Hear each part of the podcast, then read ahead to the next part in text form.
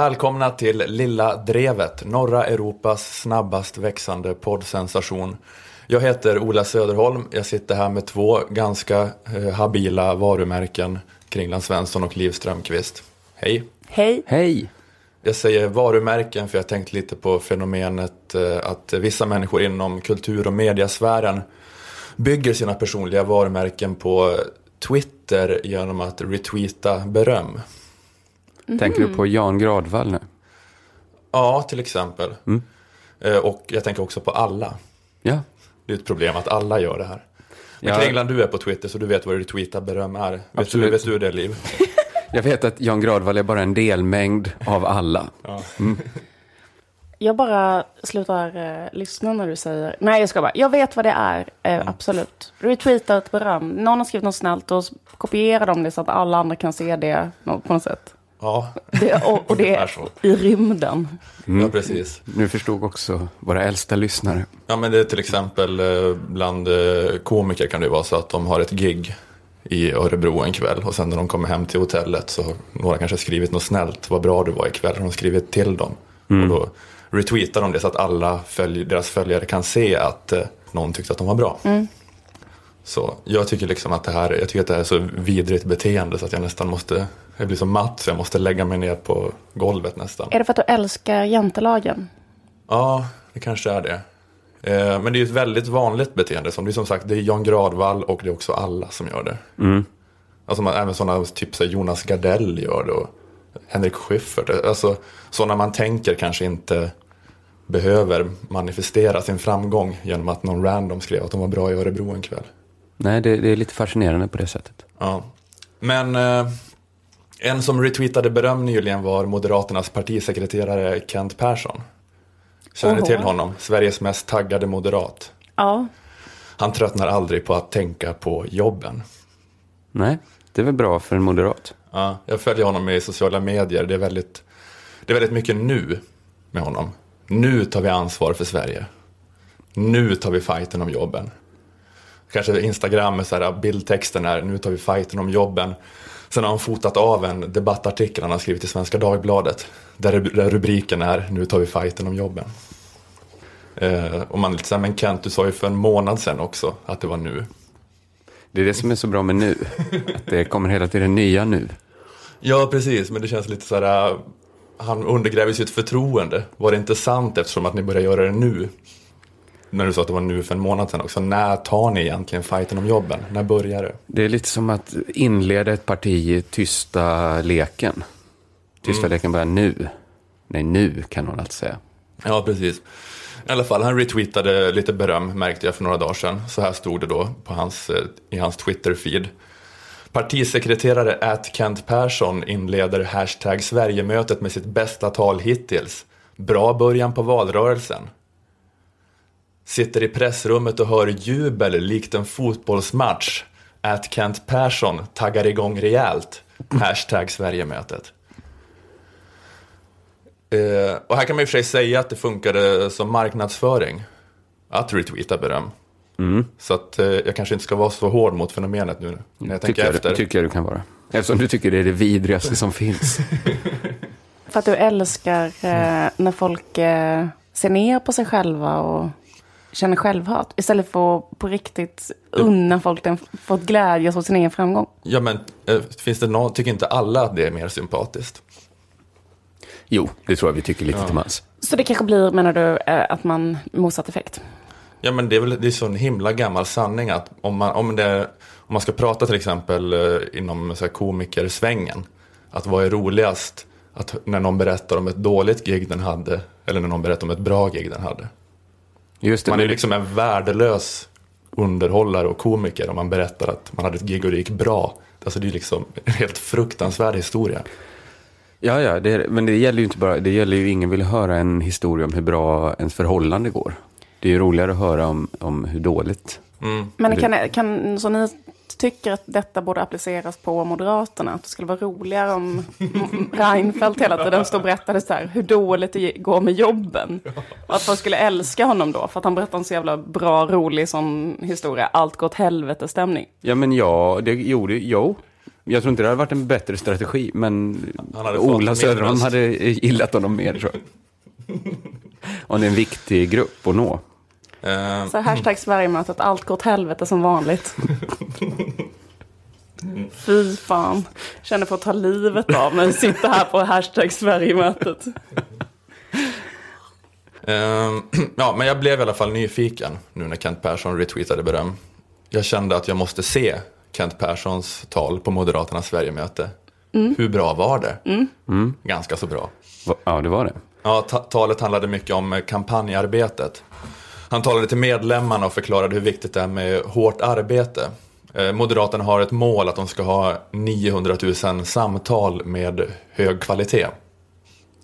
Va? Vad, vad menar Alltså att... 900 000 samtal med hög kvalitet ska de ha, med väljare. Så genom dörrknackande och sånt. 900 000 Alltså nästan en samtal. miljon högkvalitativa samtal. Ja. Nu blir, jag, nu blir jag jätterädd att de ska komma hem det, till mig. Ja, det blir inte förvånade ifall det finner er i ett högkvalitativt samtal med en moderat inom en snar framtid. Nej, För de kommer vara ute på rent statistiskt så kommer ju någon av oss i Lilla Drevet och jättemånga av våra lyssnare ha ett högkvalitativt samtal med en moderat. Vad betyder då högkvalitativt? Det är väl att man ehm, förklarar att man eh, kommer ta fighten om jobben, antar jag. Och, förstå, och få Nu. väljaren, att man kommer göra det nu och få väljaren att förstå att det här kommer man göra nu. Ta fighten om jobben. Det kommer inte vara högkvalitativt på det sättet att man ser och förstår något av varandras själ. Och sånt. Sånt Ja. samtal. Att det blir något sånt eh, så, liksom eh, omvälvande men ändå härligt psyksnack. Då man liksom bara lär känna varandra så här intensivt. Precis. Mm, men borde inte Kent ha ett högkvalitativt samtal med Anders Borg som sa att vi måste passa oss så inte arbetslösheten sjunker för snabbt? Att de kan ha de högkvalitativa samtalen internt först. Om det nu är så viktigt för vissa av dem att, att ta tag i jobbfrågan nu. Och några säger, men vi kan inte göra det nu. Jag visste inte att Anders Borg hade sagt det. Eh, jo, Ja, Aha, visste inte jag de har lite problem med sin interna kommunikation då. Eller? ja, med de högkvalitativa samtalen.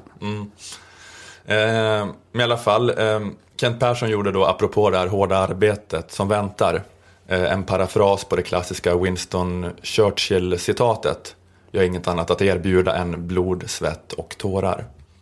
Mitt budskap till er, det är räkna med långa dagar, räkna med sena kvällar och räkna med något annorlunda fredagsmys. Alltså, det kan hända att ni inte får den där tacokvällen hemma varje fredag. Beskriver han nu de högkvalitativa samtalen? Att man, glöm tacokvällar, du ska sitta och prata med en moderat. Ja, Ja, precis. Det är ett budskap till alla oss. Att så här, det kan hända att du har planerat att ha en tacokväll men en moderat kommer knacka på dörren och förstöra dina planer. Men man förstår ju här att Moderaterna menar business med att de tänker vinna valet igen. Att de är redo att ge upp det de älskar mest i hela världen. Tacos. Ja. Ja, fredagsmysa med tacos framför David Helenius program. Eh, Men eh, talets eh, komiska klimax var Kents eh, Stefan Löfven-imitation. Har ni hört Stefan Löfven prata om regeringsfrågan? Nej, det är kanske inte så många som har hört det. Men om man tittar på vad han har sagt de senaste två åren så låter det ungefär så här. Eh, Sverige behöver en stark majoritetsregering. För att i nästa andetag säga vi ska gå till val själva. De här fotbollskörerna som han pratar om. Den här liksom stämningen som det är i turkisk fotboll, typ, när det är derby. Jag hörde den, den var liksom skickligt bortklippt. Ja, precis. De hade inte mickat upp publikljudet ordentligt. Nej, det var ingen som sjöng den, Seven Nation Army.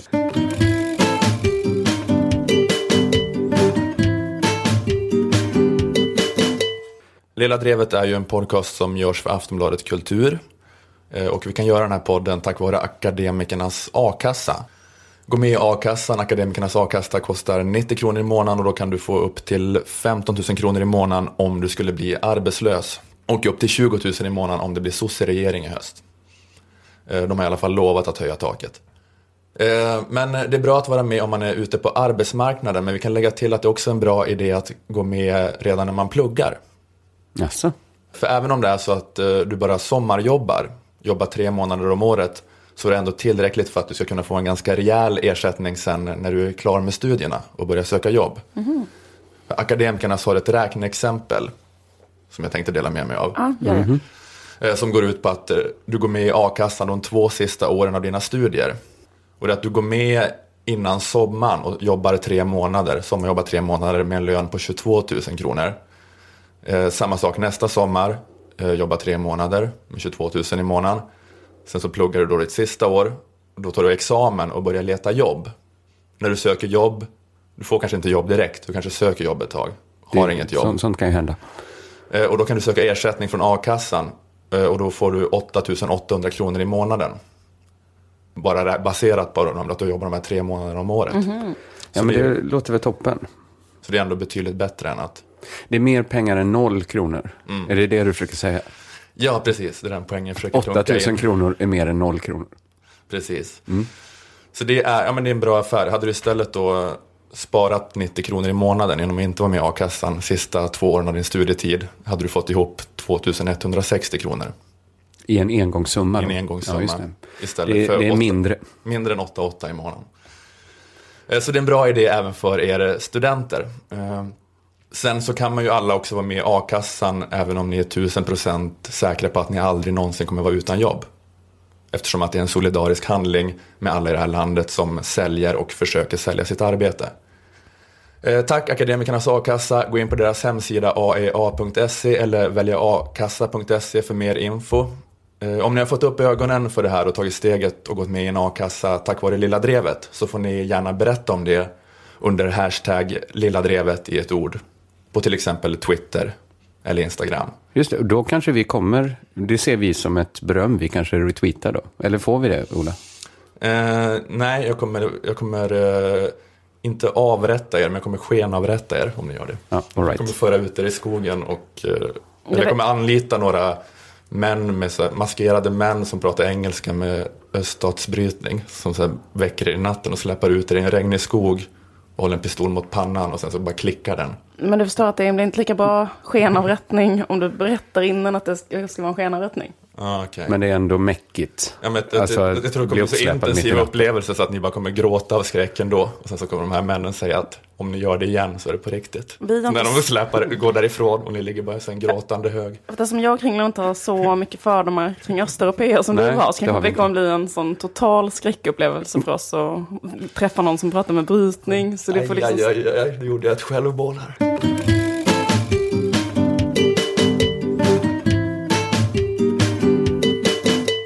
Jag har ett eh, problem. Som är att jag jobbar ju med att göra satir på nyheter. Till exempel i den här podden. Men eh, så eh, har jag så ganska lite tid att kolla på nyheterna. Eller följa nyheterna. För att jag har två små barn. Och att mina barn vill bara kolla på de här programmen. Biet Maja. Skåpbilen Olle. Pysselskogen. Och Pipi, Popu och Rosmarie. Var kan man se de här programmen? Barnkanalen. Jaså? Ja, Din gamla arbetsplats. just det. Så nu måste jag liksom göra en genusanalys av Pipi, Popu och Rosmarie. Du måste göra genusanalys på någonting. Och det är det här som står till buds. Ja. Varför får Pipi och Popu göra allt kul medan Rosmarie bara förväntas vara snygg? Pipi och Popo är killar då? Det, fram, ja, det var ju En könsneutrala namn. en, en kanin och en, och en räv kanske. Varför får Pipi och Popo ha en skön podd ihop medan Rosmarie bara driver en deprimerande mammablogg om sina gravidkilon? Det är väl bara att starta en podd. Herregud. Varför kan Pipi och mig. obehindrat- Hej, hej, jag heter Kriglan. Det är bara att starta en podd. Han har inte helt fel den här kringlan. Varför kan Pipi och Popo obehindrat njuta av sin egen sexualitet medan Rosmarie blir kallad hora? Vad är det här för barnprogram? Varför kan inte bara Rosmarie lugn och ro liksom få utforska vad hon, hur hon tycker det är skönt att bli tagen på? Utan att folk ska börja säga att hon bara är en jävligt äcklig tvättbjörn. En, sån- riktigt, en sån tvättbjörn som man tycker att det är okej att ligga med men inte vill bli ihop med. Liksom. En sån tvätt.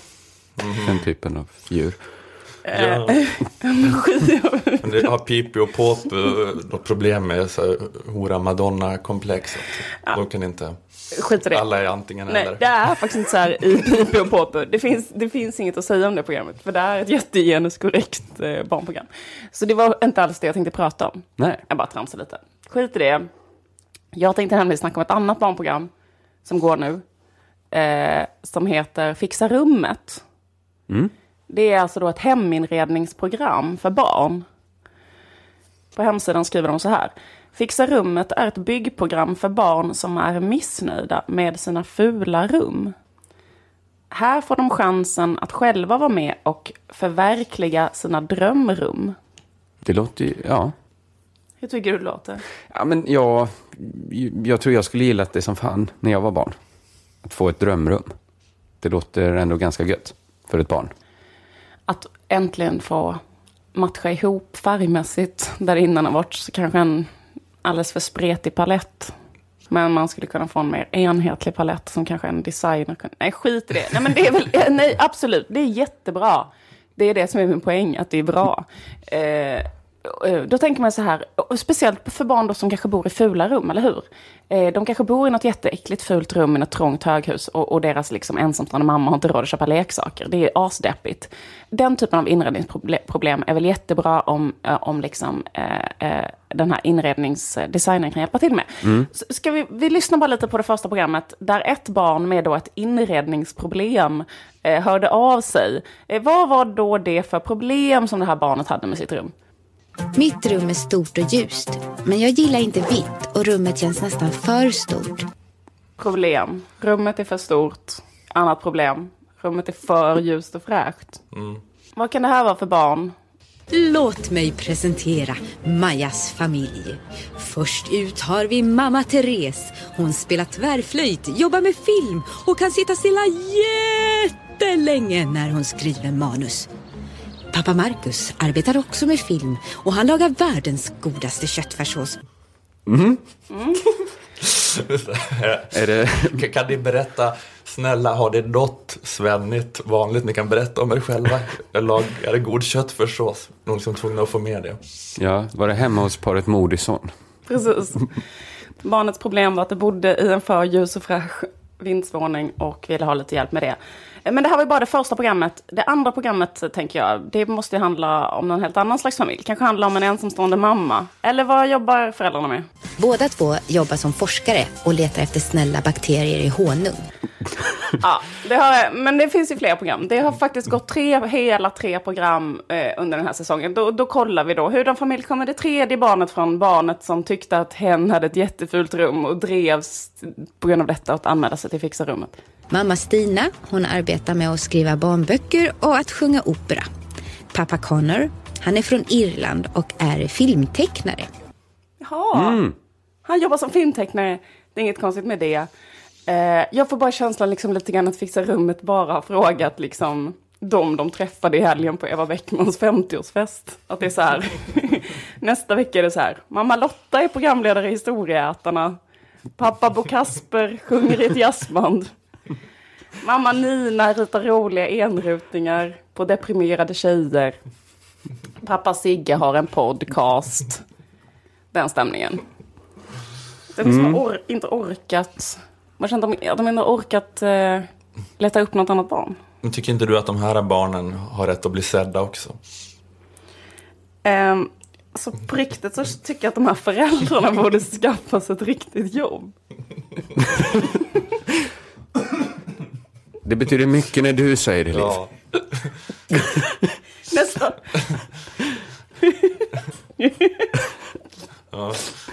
Jag tycker att jag, efter en lång dag i gruvan,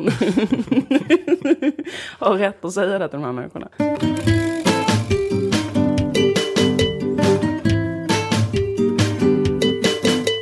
Jag var med i tv förra veckan i ett eh, program på TV3 som heter Hårdvinklat.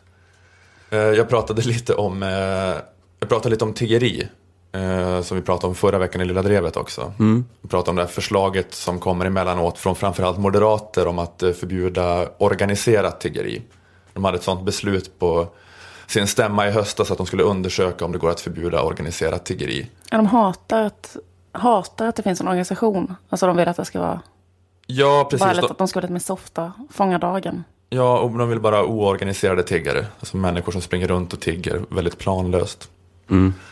Ja, precis. Det är svårt att tigga helt oorganiserat. För att till exempel de här romska familjerna har väl någon slags organisation. Att en sitter där och en sätter sig där. Att de tänker lite så. Vi ska inte sitta på platser där det aldrig kommer människor. Eller Vi ska inte sitta på varandra i en, i En stor hög. högt torn. Nej, precis. Det, det, så det, det, det blir ju någon slags organisation.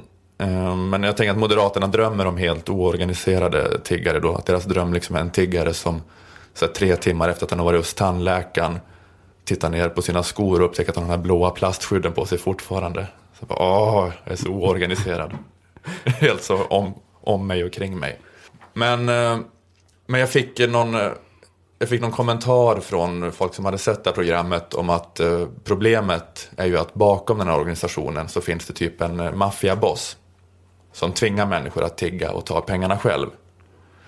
Det är ju en vanlig invändning, eller en vanlig sägning. Och jag bemötte faktiskt den här eh, grejen i programmet, men den delen av mitt anförande klipptes bort.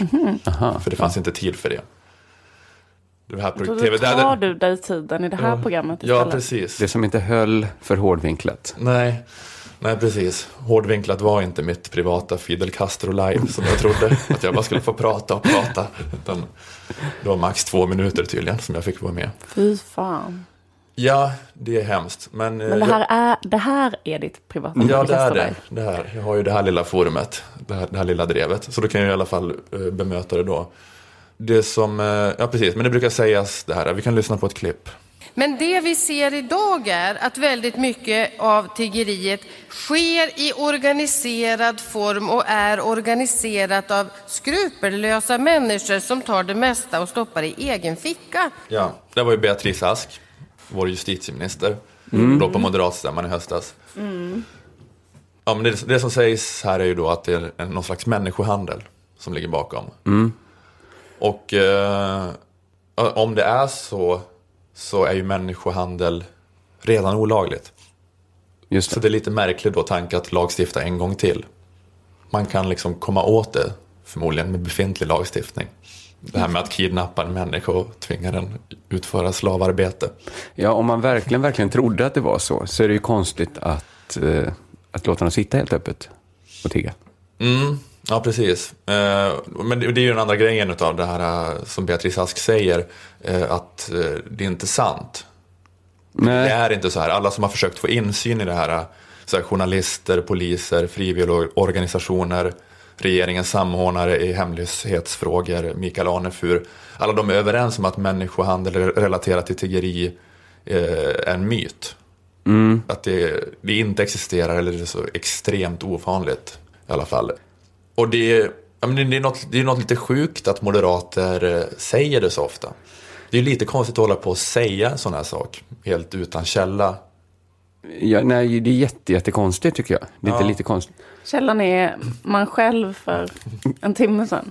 Man bara säger det så många gånger så att Ja, men det, man kan ju ändå tänka sig att det finns massa människor som lyssnar på mainstream-politiker och tror att de inte bara ljuger hur som helst. Så det är inte så konstigt om folk börjar tro det här.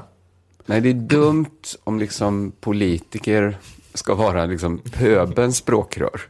Alltså det, det, jag tycker det låter dumt. Men jag tycker det är så konstigt också, för om man själv går förbi en romsk tiggare så tänker man, hur fan gick det här runt? Åka buss till Sverige, sitta här. Man tänker inte så här, gud vilket mervärde det här måste bli att plocka ut för någon, för någon baron. Ja, men det, är ju, det, det har jag också tänkt på, att det handlar liksom om Eh, att det är rätt logiskt att det handlar bara om människor som tigger för sig själva och för sina familjer. För att, eh, alltså om man tänker på det i tre sekunder, att, att allmosor kanske inte är den mest lukrativa branschen för den organiserade brottsligheten. Som du säger, att liksom om man tänker sig in i en maffiaboss huvud, liksom, att jag har inga skrupler över hur jag tjänar pengar. Vad ska jag göra? Ska jag liksom hålla på med försäkringsbedrägeri? Ska jag sälja knark? Ska jag ta procent på de där fyra kronorna som ligger i pappmuggen? Det är något, eh, ja, Det är något som är lite skevt va? det är något som är lite skevt. Eh, Nej, men jag får liksom, när jag tänker på så här romska tiggare. Får jag liksom den samma vibe som man hade kanske när man delade upp lag i skolan.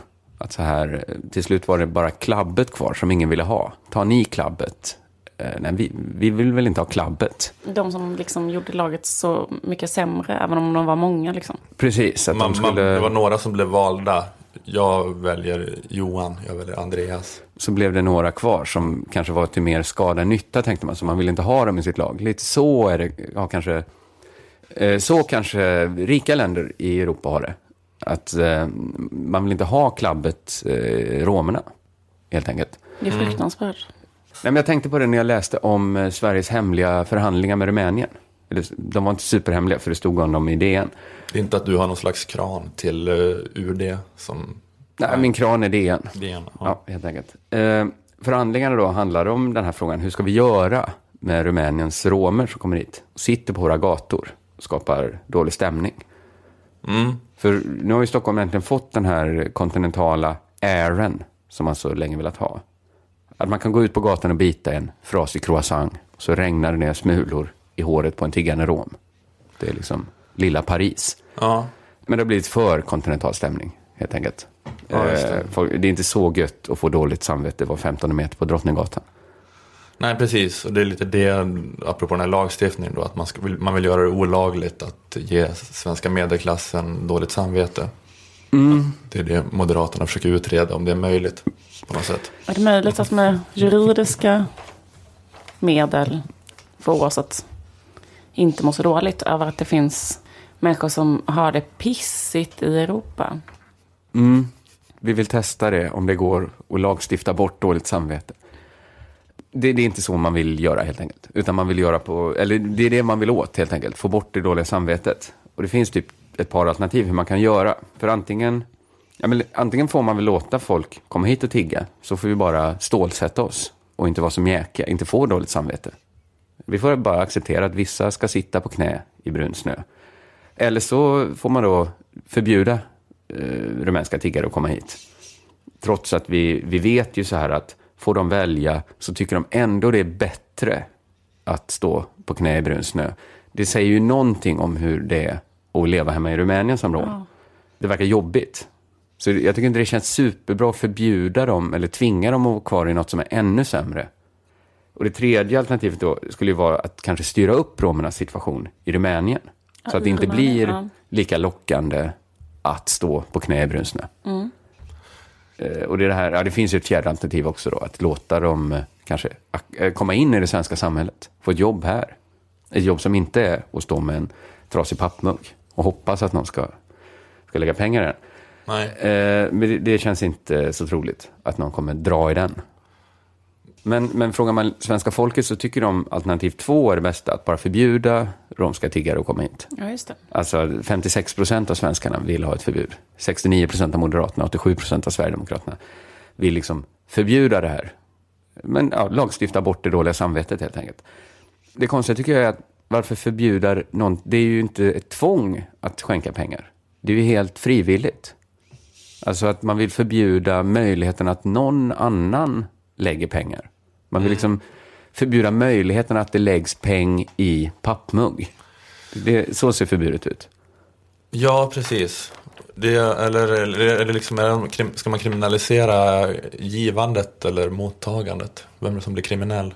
Ja, det är ju själva tiggandet. Jag antar att det är tiggeriet. Ja, det är ju det är något sådär uttryck för ett behov. Någon måste ge mig pengar nu annars svälter jag ihjäl. Så det är lite så, man vill förbjuda behov på något sätt. Det är lite luddigt om man vill förbjuda dåligt samvete, behov av att behöva pengar. Eller vad det är man vill lagstifta bort. Nanna pratade ju också i förra veckan om, om hur högt i tak det är eh, på vad man får säga om romska tiggare. Ja, just det. Det är ju, det är ju breda åsiktskorridorer, Mm. helt enkelt. Vad man får ha för åsikter om, om romer. Men tydligen så är det här liksom ingenting i jämförelse med hur stämningen är i Europa, som inte i Sverige. Eh, många länder, som Rumänien, är liksom chockade över vår empatiska förmåga. Det är inte så mycket att sträcka på sig över att vi är bäst i ett dåligt gäng.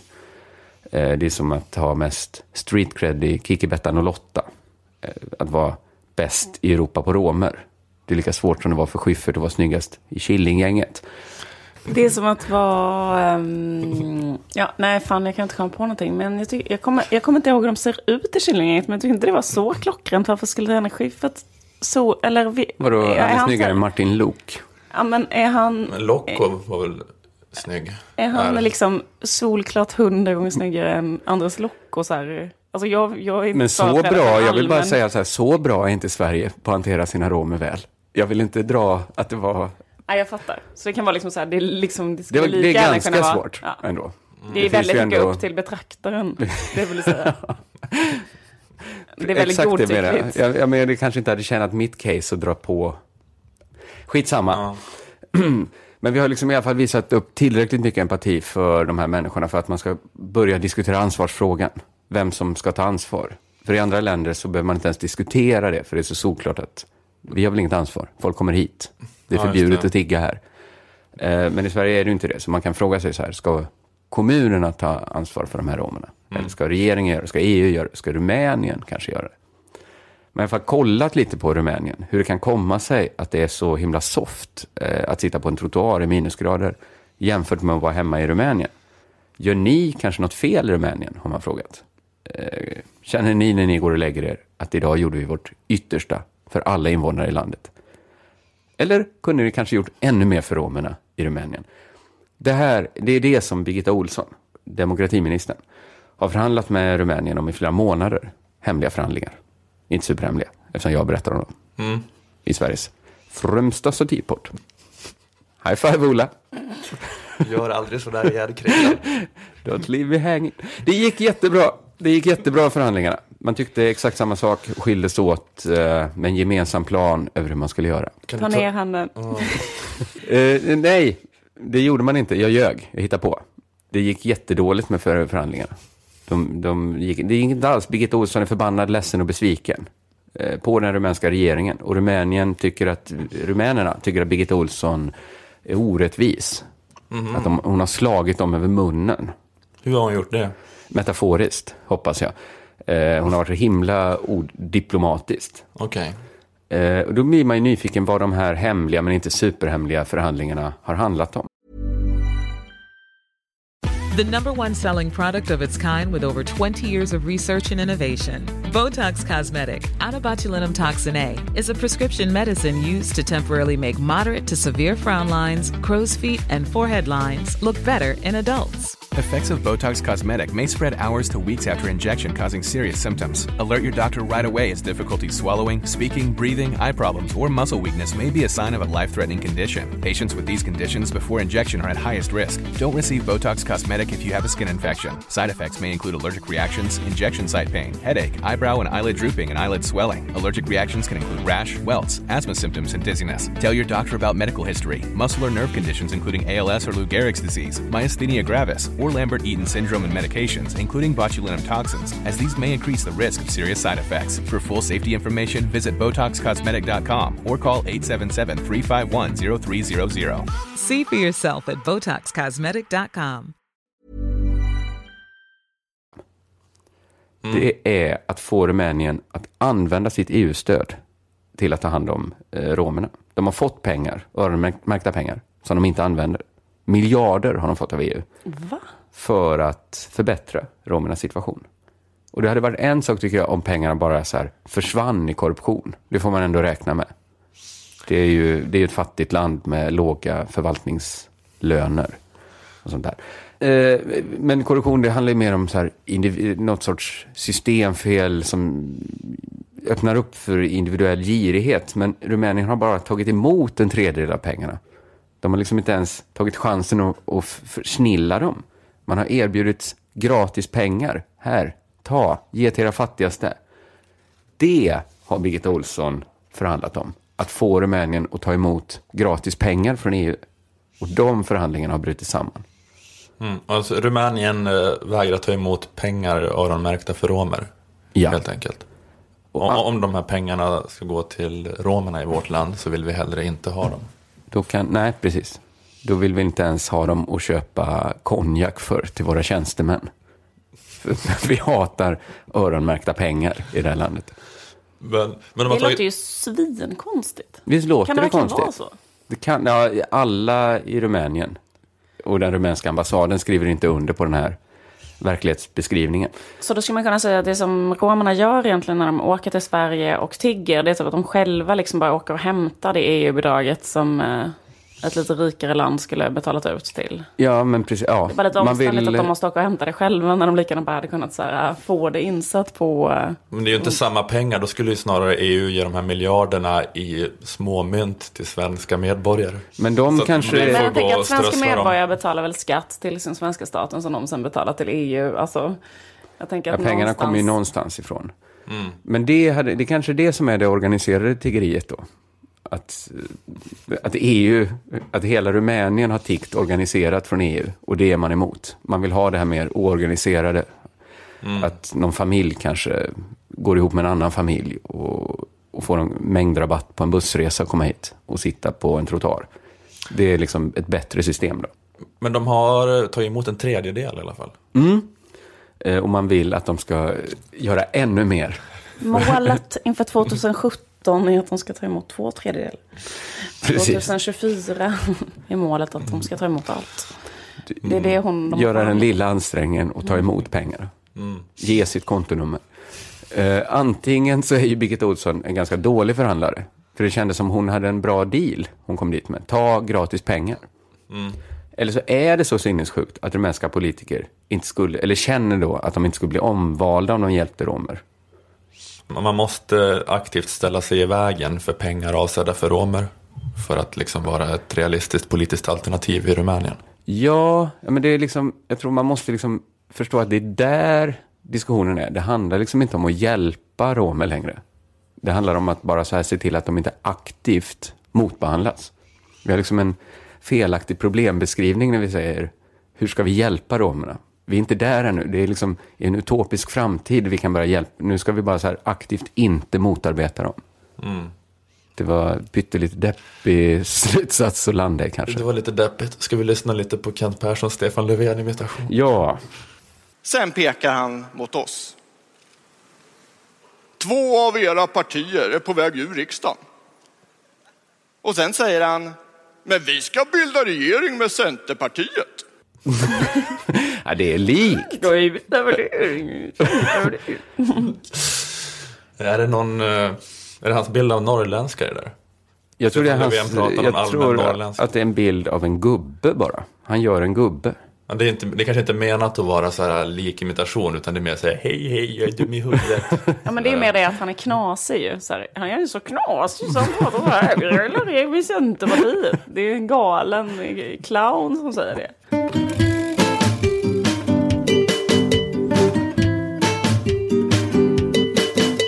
Det kom en ny rapport förra veckan från FNs klimatpanel. Eller som jag kallar dem, FNs klimakteriepanel. Va? Varför kallar de så? Ja, men jag tänker, att de är lite som klimakterietanter. De, de gnäller om värmevallningar. Att det, att det blir varmare. Folk, folk tycker att de är jobbiga. Det är ingen som vill lyssna på dem.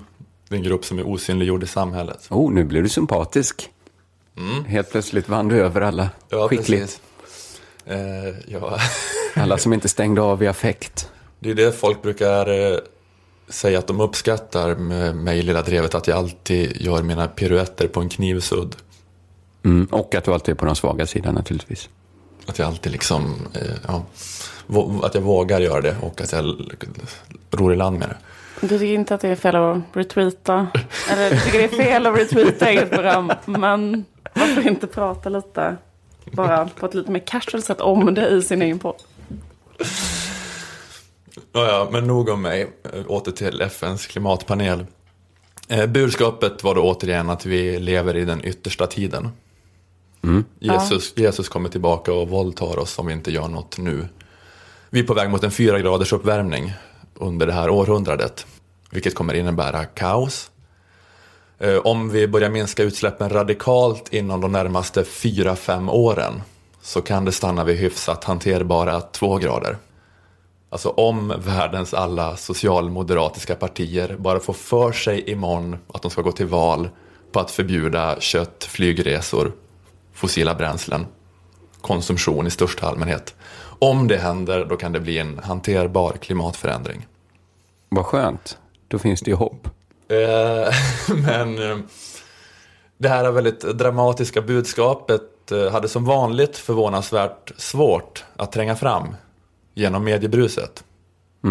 Jag vet, alltså det fick ju lite uppmärksamhet, men sett till hur starkt budskapet är, apokalypsen, så är det inte jättemycket. Det är, liksom, det är dålig utdelning på så starkt material. Ja, ja men visst, visst är det så. Jag, jag läste en artikel om att, att de första klimatflyktingarna redan är ett faktum.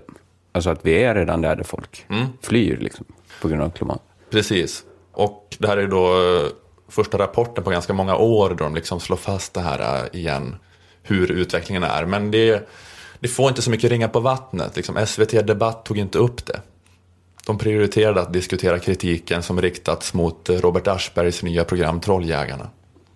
Mm, det är också en viktig... Nej, men det är uppenbarligen svårt för klimatpanelen att nå ut.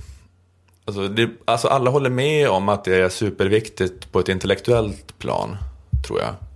De flesta gör det. Mm. Eh, men eh, att man kanske kan säga, ja det är ju vår tids största fråga, men, men folk är inte riktigt emotionellt engagerade i det av någon anledning. Om en humanekolog skriver en essä i DN om att eh, massa krig i Afrika som uppfattas som etniska konflikter egentligen har sitt ursprung i ekologiska kollapser och i krig om minskade resurser. Alltså då kommer inte den texten delas 400 000 gånger. Det blir inte samma effekt som när Mia Skäringer skriver en krönika om hur det känns, hur det känns med allt. Så det, är- ja, men det är något sånt kommunikationsproblem. Hur ska klimatpanelen göra för att nå ut och skaka om människor så att det kan bildas opinion då om en offensiv klimatpolitik? Så jag funderar lite grann på tips till FNs klimatpanel Mm, ja, men Nej. det är jättevälkommet ju. när de ska publicera kommande rapporter. En grej jag funderat på är om de kanske ska vara mer eh, specifika när de fördelar skuldbördan. För det är som ett fruktansvärt brott klimatförändringarna. Det kommer innebära så jävla mycket lidande. Men det är så här, eh, ingen som har dåligt samvete över det riktigt. Och jag tänker att det delvis beror på att vi är för många som är med och delar på ansvaret. Alltså vems fel är det? Det är alla industriländers fel och alla länder som är på väg att industrialiseras fel. Dels är det de staternas fel, men det är också varje enskild invånare i de här ländernas fel. Så alla är utpekade och därför känner sig ingen utpekad. Ja, det är sant. Ja men du vet, det är ungefär som, ja man tar ju inte personligt om någon angriper gruppen fotgängare. Nej, Eller jag vet, det är för stort, stor grupp liksom. Ja. just det. Eh, nej men jag, vet, alltså jag tänker att det kanske är bara så att FNs klimatpanel borde inte ha budskapet nu måste alla skärpa sig. Utan de borde ha budskapet nu måste Tyskland skärpa sig. Det är också en stor grupp tycker jag, Tyskland. Ja, men det är ändå bra tycker jag, för det är populistiskt. Jag kände direkt att jag var på, nu när du sa så här, Tyskland måste skärpa sig. Det är Tysklands fel. Ja, för tyskar har man också en, eh, en eller jag vet inte, det är, något, det är liksom att man, det blir, nå, det blir någon slags eh, yttre fiende också. Ja men det blir precis, det blir en sån här dikotomi mellan gott och ont och någon slags dramaturgi i det hela. Det är det som inte finns nu. Steven Spielberg kan göra en film om det kanske. Ja, det skulle inte heller vara så svårt att skaka fram som statistik, tänker jag, att de är de i Europa som säkert så här, kör mest bil och äter mest kött. Det är de säkert. Jag känner redan nu att jag får feeling. Ja, men annars tar man väl de som kör mest bil och äter mest kött. Ja. Ja det är USA va? Tror jag. Men jag, jag vet inte, det kändes, kändes rätt med Tyskland. Mm, ja, men då tar vi Tyskland då. Eh, en annan grej jag tänkt på är att FNs klimatpanel i sitt budskap att de kanske borde anpassa sig efter människors moraliska kapacitet. För ett eh, stort problem idag är eh, klyftan mellan vår så här, ekonomiska räckvidd och vår moraliska räckvidd. Evolutionen har inte hängt med. Den har inte utvecklat vår moral och förmåga till utilitarism tillräckligt mycket för att vi ska klara av att leva i ett samhälle som är så här otroligt komplext. Vi har liksom ett moraliskt sinnelag som är anpassat för små, enkla samhällen där vi bara kan skada människorna i vår absoluta geografiska närhet. Ja, ja, ja just det. Och då kan vi, liksom lä- vi kan lära oss att inte göra det. Inte vara taskiga mot dem vi har rent fysiskt runt omkring oss. Mamma. Ja, precis. Det var ett jättebra exempel på någon man har nära sig. Nästan alla har lärt sig det, utom hon eh, Felicia Fält. finns undantag. Det finns evolutionära undantag. Ja, jo, vi kan alltid hitta undantag. Ehm, Men problemet nu är då att vi har ett eh, samhälle där vi har förmågan att eh, skada människor på andra sidan jorden med vår konsumtion. Men vi har inte förmågan att ha dåligt samvete över det. Nej, vad, vad är din lösning? Ja, men jag tänker att FN måste anpassa budskapet då till vår förmåga att känna vårt dåligt samvete. Och det är ju att vi känner dåligt samvete när vi ser lidandet eller skadan vi åsamkar med egna ögon framför oss. Det är kanske lite, för att återkoppla med tiggare, det är därför det blir lite så här kortslutning i folks hjärna, att jag ska inte behöva se det här. Eller när man ser det så gör det någonting med en. Ja, men det är ju Man liksom kanske en då- jättestandard grej när man gör en film och sånt där. Man blir inte illa berörd om man ser en film där det är en stor massa som dör på ett slagfält, utan man vill ju zooma in på så här, det här gråtande barnet. Just det. Men jag håller på att läsa en bok om Albert Speer. Klyschigt va? Att jag läser en bok om andra världskriget. Men han, Hitlers arkitekt. precis, han började liksom inte få, han bröt liksom, han bröt aldrig ihop, men han började liksom känna så här på slutpläderingarna i, i Nürnbergrättegången, när de liksom berättar om någon så här avrättning. Innan hade de, de bara liksom sett det som en jättemassa. Då blev det liksom, jag förstår i någon gång måste man väl ha tänkt att det var människor också. Men att, att det blev så himla tydligt på rättegångarna för dem. Ja, just det. Men det är ett Stalin-citat det där eller något? Att om du dödar en så är det en tragedi, om du dödar en miljon så är det en statistik. Det, ja, ja, men det kan det väl vara. Men eh, ja, precis, att de måste anpassa budskapet till vår förmåga att känna dåligt samvete. Så jag tänker att innan man så här, får kliva på planet till Thailand kan man ha någon sån grej vid gaten. Då alla passagerare måste här, först titta när någon skjuter en isbjörnsunge i huvudet. Sen får man kliva på planet. Alltså det är en del av kostnaden för en biljett till Thailand. Att man måste se det. Ja, men istället för flygskatter då, som vi ändå har råd med, det är ju en försumbar Eller kostnad. se en isbjörnsunge som står på ett flak och dens mamma drunknar. Och den så här, måste titta, isbjörnsungen måste se mamman drunkna och så gnyr den så här. Just det. Då ska man ha ett så här stort kar då i, vid gaten där man har. Nej men man kan väl bara visa en film, men det här händer just nu i Antarktis. Eller, Ah. Arktis. Jag tror det blir ännu starkare om man har en bassäng med riktiga björnar. Det går ju åt mycket Ja, isbjörnar blir det såklart. liksom, ah, jag vet inte. Det är flera tusen om dagen. Ja, men jag menar att det är ju sant, det händer ju på riktigt på grund av det. Man behöver inte ha ett... Skit i det. Ja, men eller, så, eller att man måste kanske dränka en bonde från Bangladesh. De har en bengalisk bonde bakbunden vid gaten så måste man trycka ner hans huvud då i någon slags kar med vatten. Och hålla honom nere tills han slutar sprattla. Ja, Annars får, blir det ingen sol i januari. man får ju ta någon, någon bonde som ändå skulle ha dött då på grund av så att inte, annars blir det ju ett omoraliskt brott. Ja, det, med att man, det dör två bönder då. En- Ja, en precis. Det skulle vara någon som ändå skulle dött på grund av flygresan i det långa loppet. Ja, jo precis. Men det, man kan ju se det som att det här är... Ja, precis. Man offrar två bönder nu, men i långa loppet kanske man får folk att flyga mindre med det här. Typen Säljer utav- du in det till Bangladesh? Eller att man så simulerar ett- sånt här krig om bristande resurser. Att vid gaten står det kanske två afrikaner och slåss om ett glas vatten med machetes. Och då måste man liksom titta när de slåss till döden innan man får gå på planet. Eller så kan man då kanske gå in och bryta säga gör inte det här. Men då får man inte åka till Thailand. Det, det är en sån nöt som man inte vet. Det finns inga absoluta svar vad som är rätt och fel. Som det är ibland med moralfilosofi.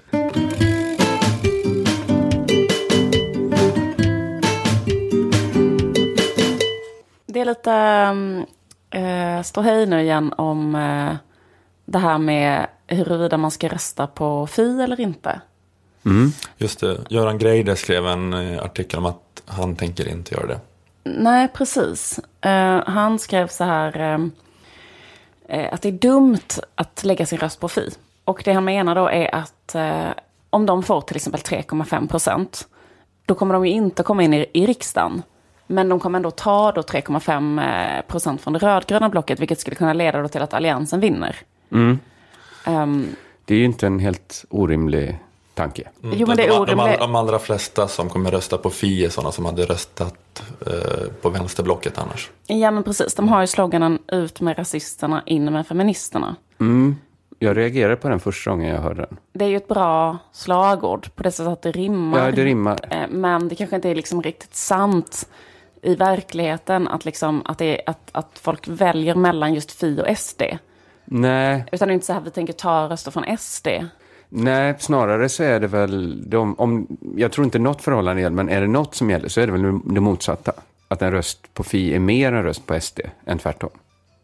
Alltså eftersom det är någon som annars inte skulle röstat, någon som skulle röstat, någon som inte skulle röstat på SD gör sin röst verkningslös.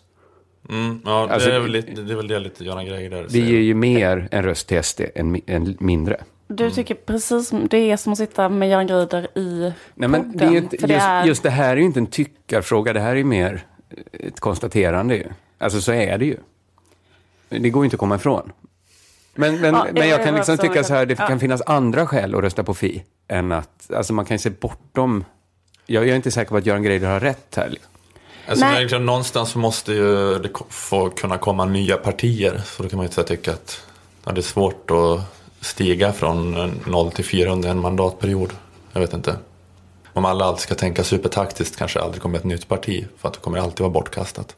Ja, men liksom, en grej som jag tänker på är det är så här, jag tänker så här, det är skitsamma vad, vad eller typ så här, om man, även om man struntar i så här, är det rätt, eller var det rätt eller fel att rösta på Fi, så är det rätt så intressant tycker jag att det är så jävla dumma, det är alltid så dumma argument som kommer upp. Typ så här. ehm, nu då när Göran Greider, Göran Greider har ju sagt så här, det är dumt att lägga sin röst på Fi för att om de får 3,5 procent då tar de eh, liksom röster från de rödgröna. Och det är precis som du säger kring den, det är ju ett rätt så, det enda som är i och för sig orealistiskt med det är ju att Fi skulle få 3,5 procent. Ja. Men om vi köper den tankeleken att de skulle få det, då stämmer ju det på ett sätt liksom. Eller det är väl ett ganska så här, eh, Ja, men rent matematiskt stämmer det ju. Ja, precis.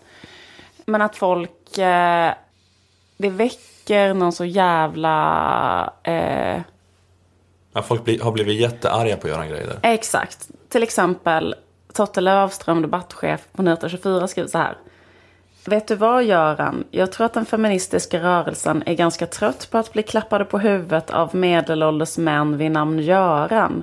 De har väntat i 180 år på att det ska bli deras tur. Och de ger nog fan i vad du tycker att de ska göra eller inte göra den 14 september.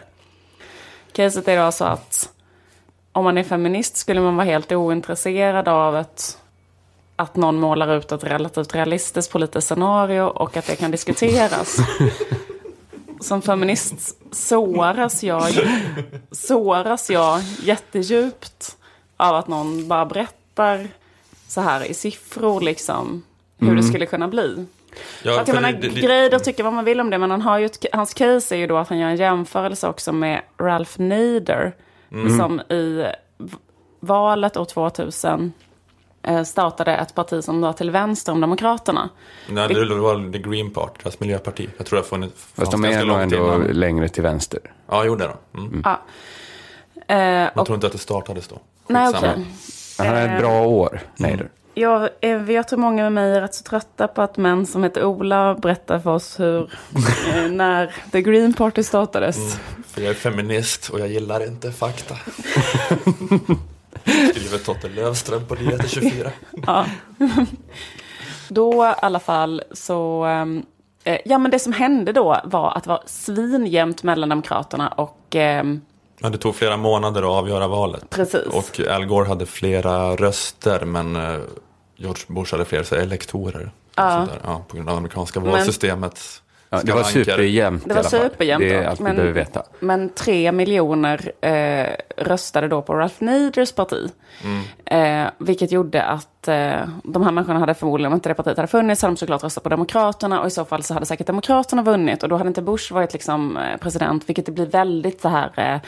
Fick enorma konsekvenser såklart, så att han var president då. Han invaderade Irak, det var liksom, det hände ju svinmycket. Ja men det ja, men verkligen, alltså, eller det, det är ju inget. Ja, men det, jag- det, är ju, eller, eller det blir så konstigt att man inte alls ska tänka taktiskt liksom. När, I sådana röstnings, när man ska rösta för att, ja, eller det kanske inte hade varit, allt hade kanske inte varit bra om det var Al Gore, men det hade ändå varit bättre än att ha liksom jävla korsriddare som världens mäktigaste man. Men då åtta år. tycker, liksom, eh, då tycker liksom eh, människor som argumenterar emot, jag, jag, jag, jag vill inte heller så här, eh, göra den jämförelsen rakt av att det är samma sak som vi står inför nu.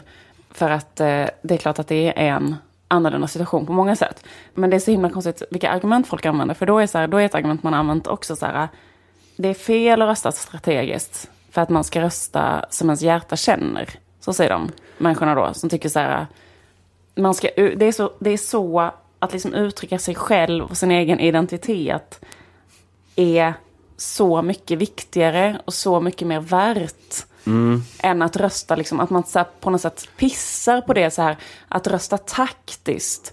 Men det tycker jag är så jävla konstigt, för så här, vi, kan, kan, vi kan ju kalla det att rösta taktiskt, att rösta så här, ja men att rösta på något parti överhuvudtaget. Men det handlar, så, om jag röstar liksom på sossarna, då är inte det för att jag så förväntar mig att sossarna ska så återspegla varje så här lilla nyans eller komplexitet av min personlighet. Att jag ska vara 100% förstådd och sedd av sossarna och det ska liksom vara något underbart som sker. Utan det är ju i lite mer grovhuggna drag så tycker man lite ungefär så här eller lite ungefär så här. Mm, det här Eh, verkar blir minst så jävla dåligt. märkligt. Det här verkar minst dåligt. Det är de så här, nej så ska man inte säga för man ska inte rösta mot något, man ska rösta för något. Mm. Ehm, men att kräva att man ska brinna eh, för det, på, det, på det sättet för ett parti tycker jag är lite konstigt. Att man jämför det med något helt annat livsval, att det är så här som att välja partner, typ. eller det är som att välja, så här, det är som att välja utbildning. Så här, det är fel att bara gå på något som man tror man får jobb. Du måste liksom våga satsa på det du själv egentligen innerst inne helst skulle vilja göra. Även om allas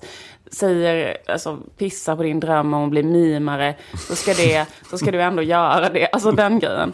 Eh, att man använder samma typ av språk. Men jag tycker det är helt oapplicerbart på ett riksdagsval. För ett riksdagsval är ju liksom att så här jättegrova förenklingar säger vi att vi tycker lite mer så här och vi tycker lite mer så här. Ja, men om jag ska säga något mot Göran Greider då, så kanske det är så här att, att han representerar så här en ganska osund fixering vid själva valet. Att demokrati bara handlar om hur man röstar.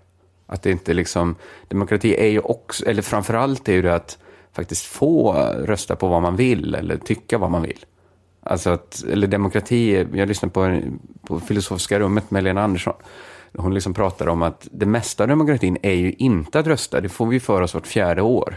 Det mesta av demokratin är ju ändå att man få skriva vad man vill i tidningar, föra sin egen talan. Alltså att det kanske inte är så jävla viktigt, eh, de här taktiska rösterna fram och tillbaks. Alltså att det är bättre att folk bara utnyttjar sin demokratiska rättighet och röstar på vad de känner för. Det är bättre för demokratin. En sak som jag tycker är konstigt är så här att man också har, också när för Jonas Sjöstedt sa så här, en, fi, en, en röst på Fi är en bortkastad röst. Och då reagerade alla jättestarkt och då sa bland annat eh, företrädare för Feministiskt initiativ sa så här, eh, det är osympatiskt av honom att säga så, direkt citat. Och att han driver en, de säger så här, vänstern har drivit en kampanj mot Feministiskt initiativ varje val sedan 2006. Men det tycker jag också är konstigt som argument, därför att är inte det bara en valrörelse?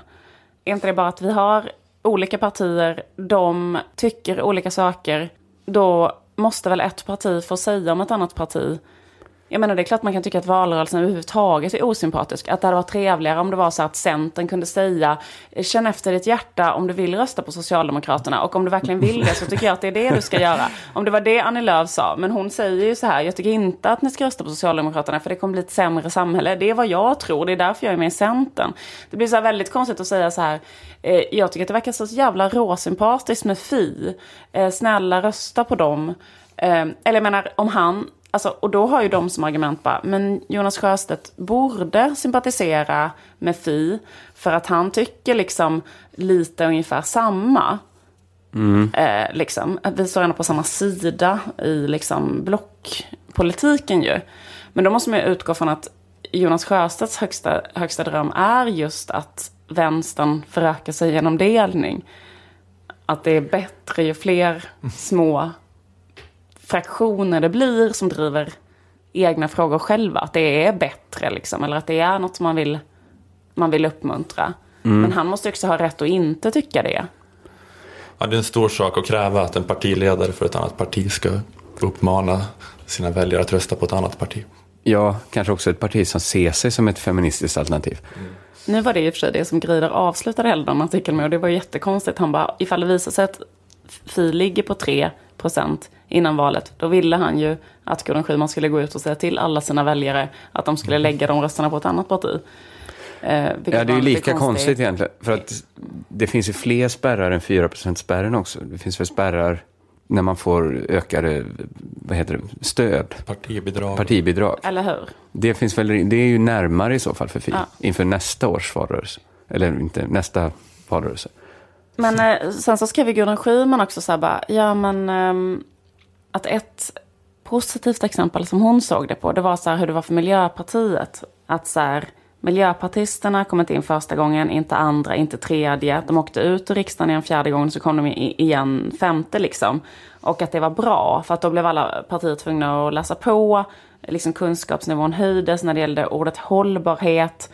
Det blev liksom en etablerad del av det vi uppfattar som politik och att då demokratin vitaliserades av det. Att så här, Miljöpartiet kom in. Um, men för, för jag kan ibland tänka så här, att det hade varit bättre om Miljöpartiet inte hade startat. Alltså för miljön. Alltså att, att, så här, att, att ja men alltså, man kan tänka sig att, för att säga så här, ordet hållbarhet är, eh, eller jag vet inte, vi behöver inte heller utgå från att det är den bästa och mest framgångsrika strategin att att, att starta ett politiskt parti och driva de frågorna. Nej, men det, det, här, det, det vi kan "Hå- konstatera är ju att det har varit extremt oframgångsrikt som det har varit nu. Alltså Miljöpartiet har ju inte, om man pratar om klimatfrågan och om hållbarhet så kunde det ju inte vara lägre prioriterat. Nej. Så att det har ju varit ett, det, är- det är ju ingen solskenshistoria så tycker jag. Alltså, Miljöpartiet. Nej, det enda partiet som lyckats komma in och förändra någonting är kanske Sverigedemokraterna då. Alltså de har ju ändå förändrat eh, sättet vi talar. Ja, fast om- jag blir också liksom så här hur man, alltså, alltså, typ så här, eh, ja men typ om man tänker sig som hållbarhet eller feminism, att liksom, att det kanske är bättre att driva som, den typen av frågor utom parlamentariskt. Alltså det kanske är mer effektivt, det är bara det jag menar. Alltså till exempel hållbarhet. Ja men Miljöpartiet blev sedda som så här, eh, i början så var det så här, då sa de i början så här, vi vill ha nolltillväxt. Mm. Då säger alla så här, vad är ni för sinnessjuka tomtar? Man kan inte gå runt och prata om nolltillväxt, för det är inte ett normalt politiskt sätt att prata. Ja, då gjorde de om hela sitt eh, parti, eller, liksom så här, eller liksom mer och mer och mer med åren anpassade sig till det som blev liksom ett mycket mer vanligt parti. Så nu säger de så här, ja småföretag är jätteviktigt, vi tycker det är kul med friskolor eller what not. Vad har vi för små konstiga punkter? Ja men det kan väl vara det ena med det tredje. Men då kan man ju tycka så här, som politiskt projekt så kanske det skulle vara kul ifall det fanns en politisk rörelse som på ett intressant sätt debatterade till exempel tillväxt, på, som då kunde vara radikala, kunde vara intressant, liksom kunde, kunde liksom jobba med det på ett annat sätt. Alltså jag bara menar att det är väldigt svårt att sitta i riksdagen och ha så att 12 procent och driva att det ska vara noll tillväxt. Men om vi tittar på klim- klimatpanelen nu till exempel så kanske det är så att vi måste typ minska vår tillväxt. Men det kan man ju inte säga om man vill ha röster. Så hela grejen blir liksom bara så himla, det går ju inte att vara progressiv. Alltså det är något svårt Nej, att nej, vara, alltså det är något svårt liksom den här grejen om man vill driva någon så här pionjärtanke som kanske inte är eh, ett all, alls allmänt etablerad. Typ som så här klimatfrågan är en sån jättestor utmaning. Ja, vi alla kanske måste då eh, sluta åka flyg och sluta äta kött och hit och dit. Men det kan man ju inte, det, det, det kanske inte går att driva den frågan inom de ramarna. Jag menar om, om Fridolin hade sagt det, rösta på mig så ska jag göra en lag att det blir förbjudet att äta kött. Ja, det hade vi kanske inte gjort liksom. Då kanske vi istället måste driva den frågan med liksom så här svinbred opinionsbildning och på något helt annat sätt Men för det är att den ska det- kunna bli en fråga. Att det, är det, som, det är ju det som feministlobbyn har gjort då kanske de senaste 20-30 åren. Att de har gjort det utanför, in, inte liksom inom eh, med ett politiskt parti. Och det har väl kanske alltså på många sätt varit framgångsrikt. Ja men absolut, det går ju inte att lagstifta så här, alla, alla killar måste börja lyssna på tjejband. Alltså, eller vad Nej, det kan var vara. liksom Det är väl inte- bättre då att vi liksom vi pushar för det genom att skuldbelägga alla våra killkompisar, vilket vi har gjort framgångsrikt nu i 15 år. Alltså vilket nu är att, att de Nej, men, startar eh, själva ja, men sådana då- initiativ på Twitter efter 100 år. Liksom. Ja, men om man jämför liksom feminismen och miljörörelsen så känns det ju som att, att miljörörelsen har liksom inte påverkat paradigmet ett skit. Men, Nej, men fe- okej. feminismen har ändå liksom letat sig in i tänkandet och debatten och det är någonting folk tar hänsyn till mer tror jag. Ja, men finns det något behov av en så utsmetad feminism som skulle behövas för att få in Fi? Det skulle, alltså, Den har vi ju redan. Alltså, Ja, den Birgitta finns ju redan. som du pratar med, hon är demokratiminister, hon är ju en jätteprofilerad feminist. Ja, ja. Eller liksom Margot Wallström jobbar mot så här, det finns det är inte heller som att de frågorna är orepresenterade. Alltså det är inte så här, det existerar inte feministiska tankar i riksdagen nu. Eh, Det är liksom inte riktigt där vi är. nej. Eh, Alla partierna kallar väl sig feministiska utom KD. Liksom. Nog om det. Så behöver inte, alltså så här, sen därmed inte sagt att det inte kan finnas plats för ett till och att det kan radikalisera ännu mer. Och att, framförallt så tänker jag att, att det är en annan, ett, en annan struktur som gör att fler människor, politiker, kan komma fram. Fler olika politiker. Eh, och att det är bra. Så på det sättet tror jag faktiskt att det vitaliserar demokratin. På det sättet kan utbilda liksom folk som inte är, jag vet inte. Men mm, Ja, men jag har en annan spaning också när det gäller mil- både Miljöpartiet och Feministiskt initiativ. Det är att båda de, båda de partierna har ju det här caset. Ehm, problemet med svensk politik är att den är uppdelad i höger-vänster-skalan. Och att den skalan är så fast och rigid. Så det går inte att föra vissa frågor inom ramen för höger-vänster-tänkandet. Utan liksom de, både miljöfrågan och feminismen är så, eh, är så himla så här blocköverskridande. Så att det inte går, för det är så cementerat åt höger eller vänster. Men jag bara tycker det är så, eh, liksom en, en märklig beskrivning av svensk politik. Därför att det är väl inte så att det, det finns en, en jättecementerad högerpolitik och sen en jättecementerad vänsterpolitik. Nu är, nu är det ju bara att alla, liksom, problemet är väl snarare då att ingen för vänster eller högerpolitik utan att de för så här, ungefär samma. Och då behövs det verkligen då fler partier som inte tar ställning i höger-vänsterskalan nu när inte ens liksom so- Socialdemokraterna eller Moderaterna gör det. Då tycker jag det är bättre att man har liksom en så här, jag vet inte fan. Eh, Frågan är, blir det, blir det mer diversitet ifall vi får in ännu fler partier som inte placerar sig på höger och vänsterskalan? Vi redan har jättemånga partier som inte placerar sig på höger och vänsterskalan. ska vi lyssna på Ska vi lyssna lite mer på Kent Perssons Jo, men- Stefan Löfven-imitation? Varför inte? Och då har vi ändå inte kommit till det bästa. Ja, vi ska ge besked i god tid innan valet. Ja, vi kommer att ge det där beskedet efter valet. Är det någon av er som får ihop detta? Där var det lite skratt i alla fall.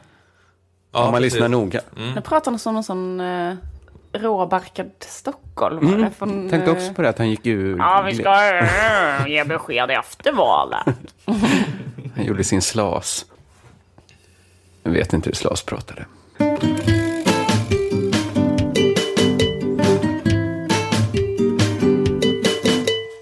Tack så mycket Liv och Kringlan. Eh, tack till Akademikernas A-kassa som gör den här podden möjlig. Den var så lång den här podden så vissa kan ha blivit uppsagda under tiden. Och då kan det ha varit bra. Vissa kan ha jobbat ihop till en a-kassa under tiden. Mm, Om de i precis. början av programmet anmäler sig. Just det. Ni kan gå in på aea.se och läsa mer om det. Hur mycket, hur mycket liksom pengar ni kan få i a-kassa utifrån att ni har arbetat under den här podcastens programtid. Upp till 15 000 i månaden. Det här var Lilla Drevet, en podcast som görs för Aftonbladet Kultur. Vi hörs igen eh, nästa fredag. Hej då.